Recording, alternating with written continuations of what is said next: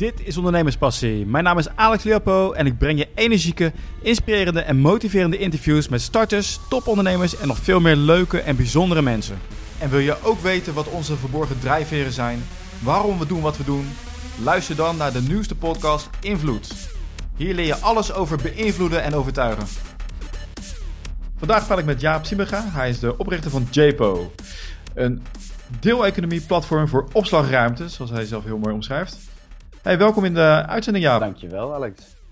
Deeleconomie, een platform. Vertel, wat, wat doet JPO precies? Ja, nou wat JPO precies doet, eh, je kan natuurlijk zeggen het is de Airbnb van opslagruimte. Maar dat is... Uh, het is gelijk duidelijk. Dat is zo, op, dat is zo, zo uitgekoud. Dus uh, dat, dat probeer ik in ieder geval een beetje te ontwijken.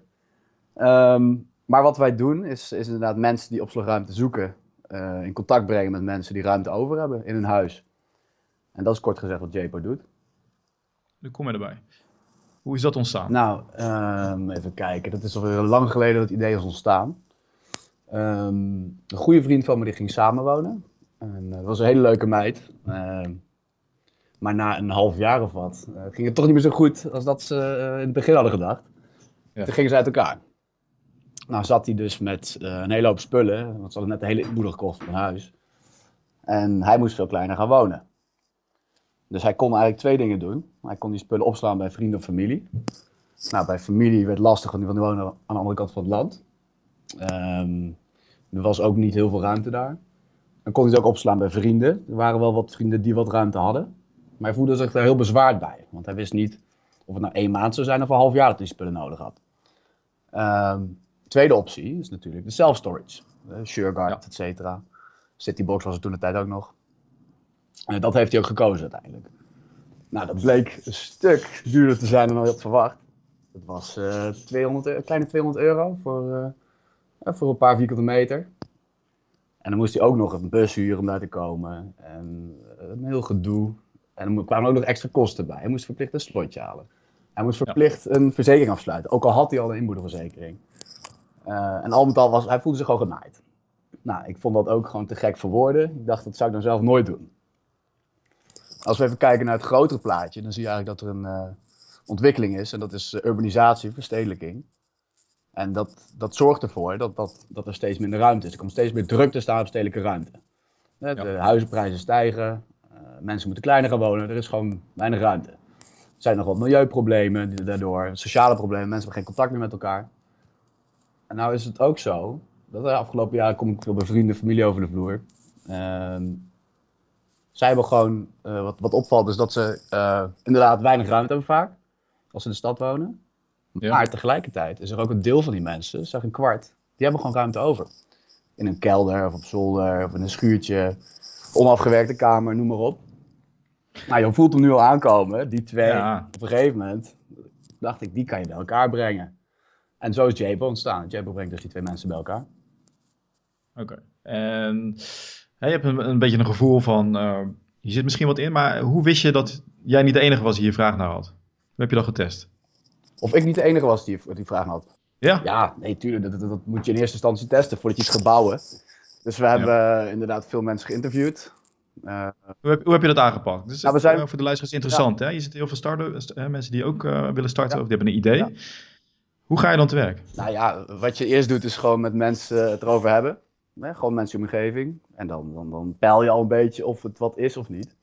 Uh, volgende stap is uh, een beetje uh, je assumpties in kaart brengen. Bijvoorbeeld mensen hebben ruimte over, dat is één. En anderzijds mensen willen spullen opslaan bij anderen. Nou, en ja. daar even vervolgens de, de doelgroep voor benaderen die je denkt dat die, die dat zou willen. Nou, ik ben bijvoorbeeld bij van die self-storage faciliteiten, ben ik gewoon gaan staan, gewoon zelf. En heb ik allemaal mensen geïnterviewd. Gewoon met hun vragen wat, ja, wat, wat, ze, wat ze beviel, wat ze minder beviel. Ik heb van tevoren gevraagd daar aan die mensen of ik uh, wat interviews mocht doen. Uh, onder het mom van schoolopdracht.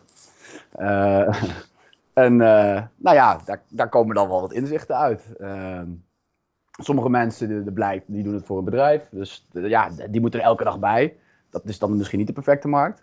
Dat is misschien 30 procent. Um, en dan heb je het andere deel, die is voor, voor, voor eigen gebruik.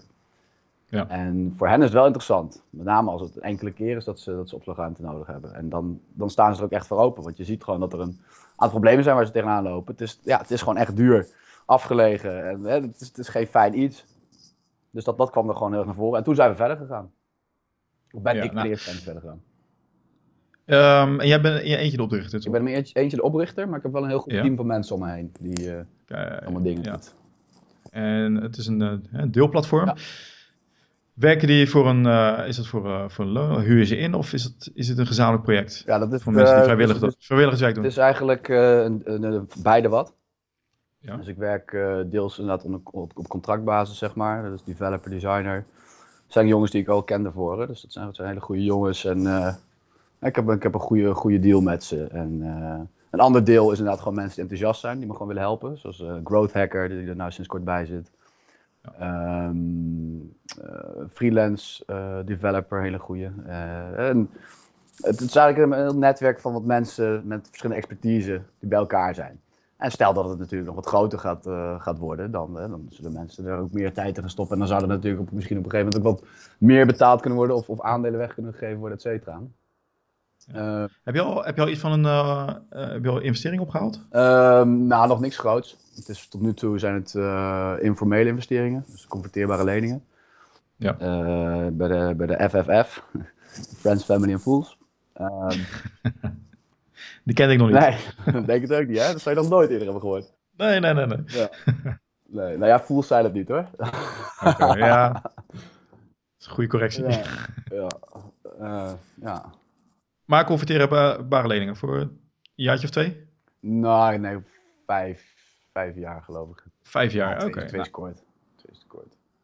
en dat is genoeg voor jou om daarop te overleven? Of heb je nu al eh, inkomsten genoeg om... Nee, er zijn inkomsten, maar dat is zeker nog niet genoeg. Dus het is heel veel eh, investeren uit eigen vermogen. En. Oké, Je bent opgericht in 2015? Nou, dat is, dat is de BV, hè? Ja. Dus dat we echt het platform hebben gelanceerd. In de beta-versie. Dat is eh, begin van de zomer geweest. Oké, begin van de zomer. Ja. Nou, je lanceert, lanceert het platform, je hebt interviews gehouden met eh, potentiële klanten. Ehm, je, knalt, je knalt die website erop. Ja. En wat ben je toen gaan doen? Ehm, nou ja, in eerste instantie hadden we natuurlijk al wat eh, mensen benaderd die, eh, die ruimte hadden. Dus zorgen dat hè, zodra we die website online hebben, dat er in ieder geval ruimtes op staan.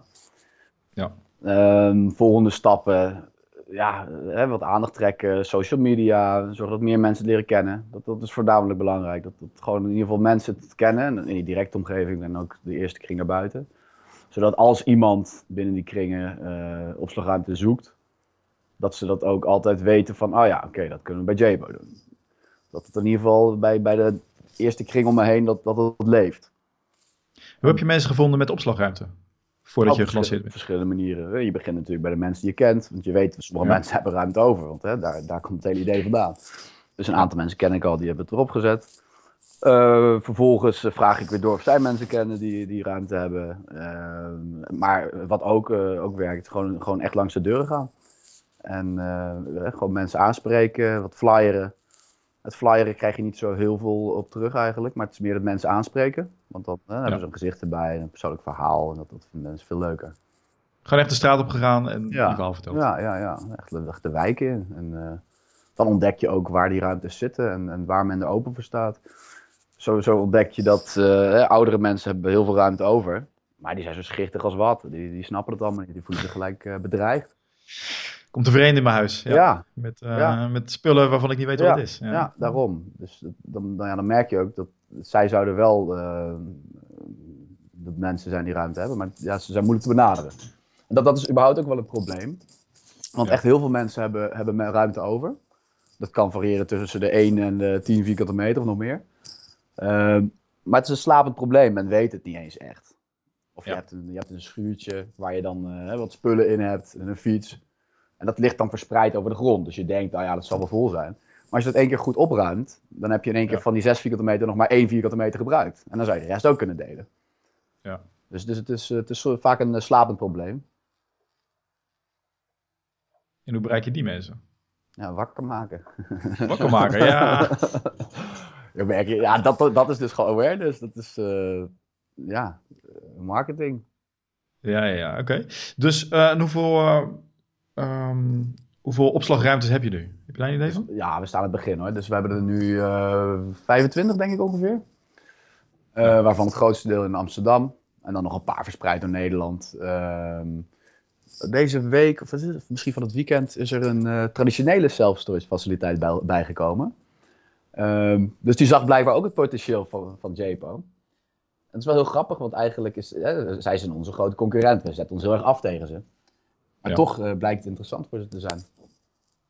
Het is, Dat is een eh, bedrijf met wat meer geld? Of ja, een, nou, eh, het, is, het is heel erg verdeeld, die, de, de markt. Er zijn maar een paar grote spelers en er zijn heel veel kleinere. Dus dit is, dit is gewoon Ja. een kleinere lokale storage. Maar het is er wel eentje met, nou, ik weet het niet precies, maar wel een paar duizend vierkante meter.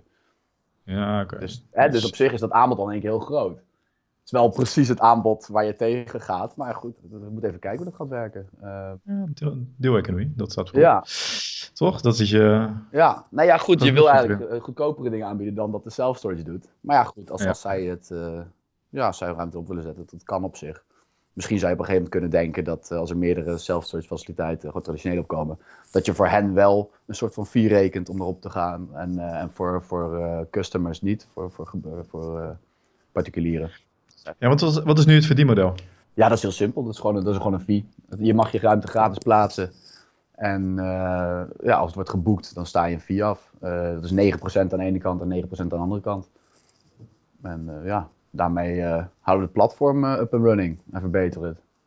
En hoeveel, eh, hoeveel worden nu daadwerkelijk verhuurd? Eh, het zijn er nog, Van die 25? ja, het zijn er een paar. Een paar die worden verhuurd. Dus het staat echt nog, het staat echt aan het begin. En moet nog heel veel gebeuren om groot te worden. Want het- 25, we moeten er, volgens mij moeten we er iets van eh 1,1 miljoen vierkante meters hebben.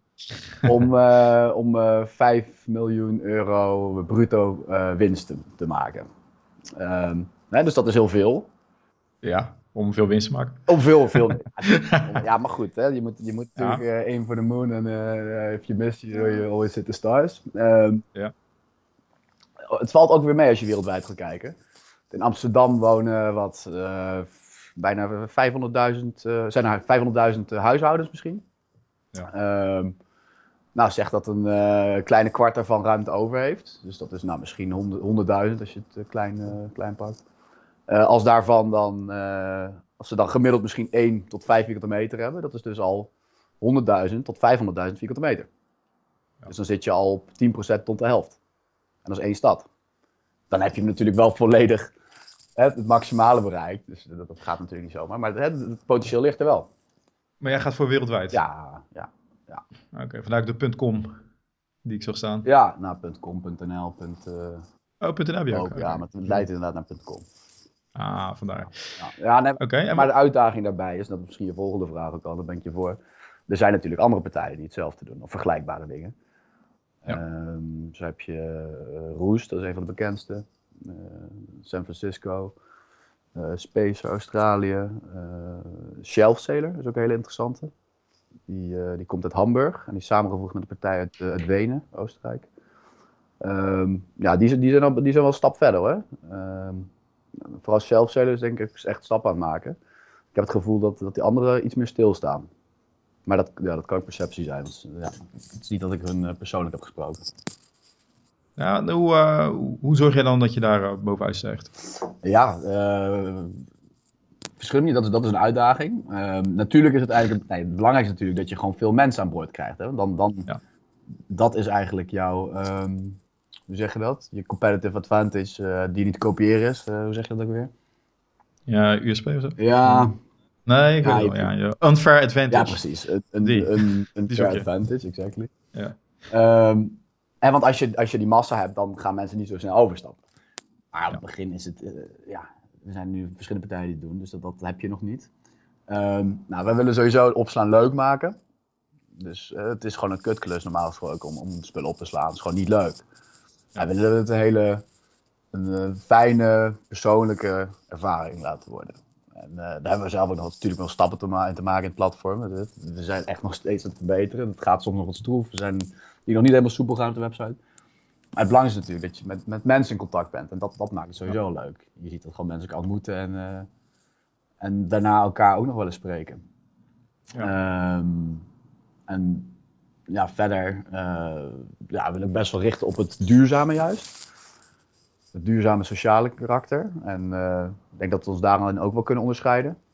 Het is niet dat, dat andere partijen dat ook per se als focus gebruiken. Natuurlijk is, ja, zijn, ze, zijn ze ook uh, duurzaam en sociaal bezig, omdat ze vergelijkbare dingen doen. Maar je kan er nog meer op focussen.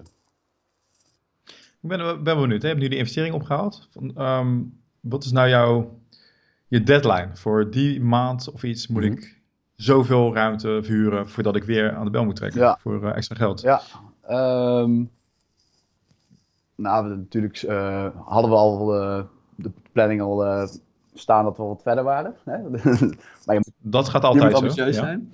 Ja, ja. Um, nee, maar vanaf nu over een jaar, eind, eind, komend, eind komend jaar, sorry, um, moet er wel echt goed inkomen zijn. Er moet er gewoon echt goed, goed aantal gebruikers op zitten. Okay. dan, heb je, heb je aardig, heb je aardig wat geld opgehaald. Nee, we zijn nu ook bezig hoor, met, met, met wat incubatorprogramma's, investeerders als investeerders. ja. Nee, maar je, je, je, uh, je zegt nu al van eind volgend jaar, dus eind 2017.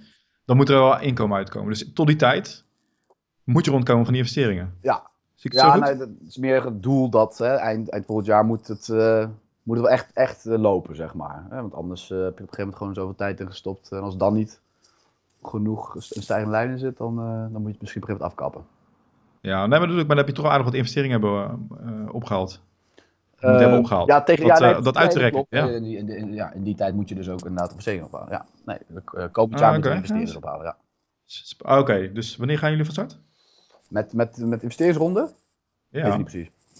Oké. Erg volgend jaar. Ergens volgend jaar. Ja.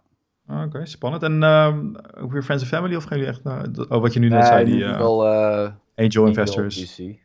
Ehm, ja, incubatorprogramma's. eh. Ja, spannend.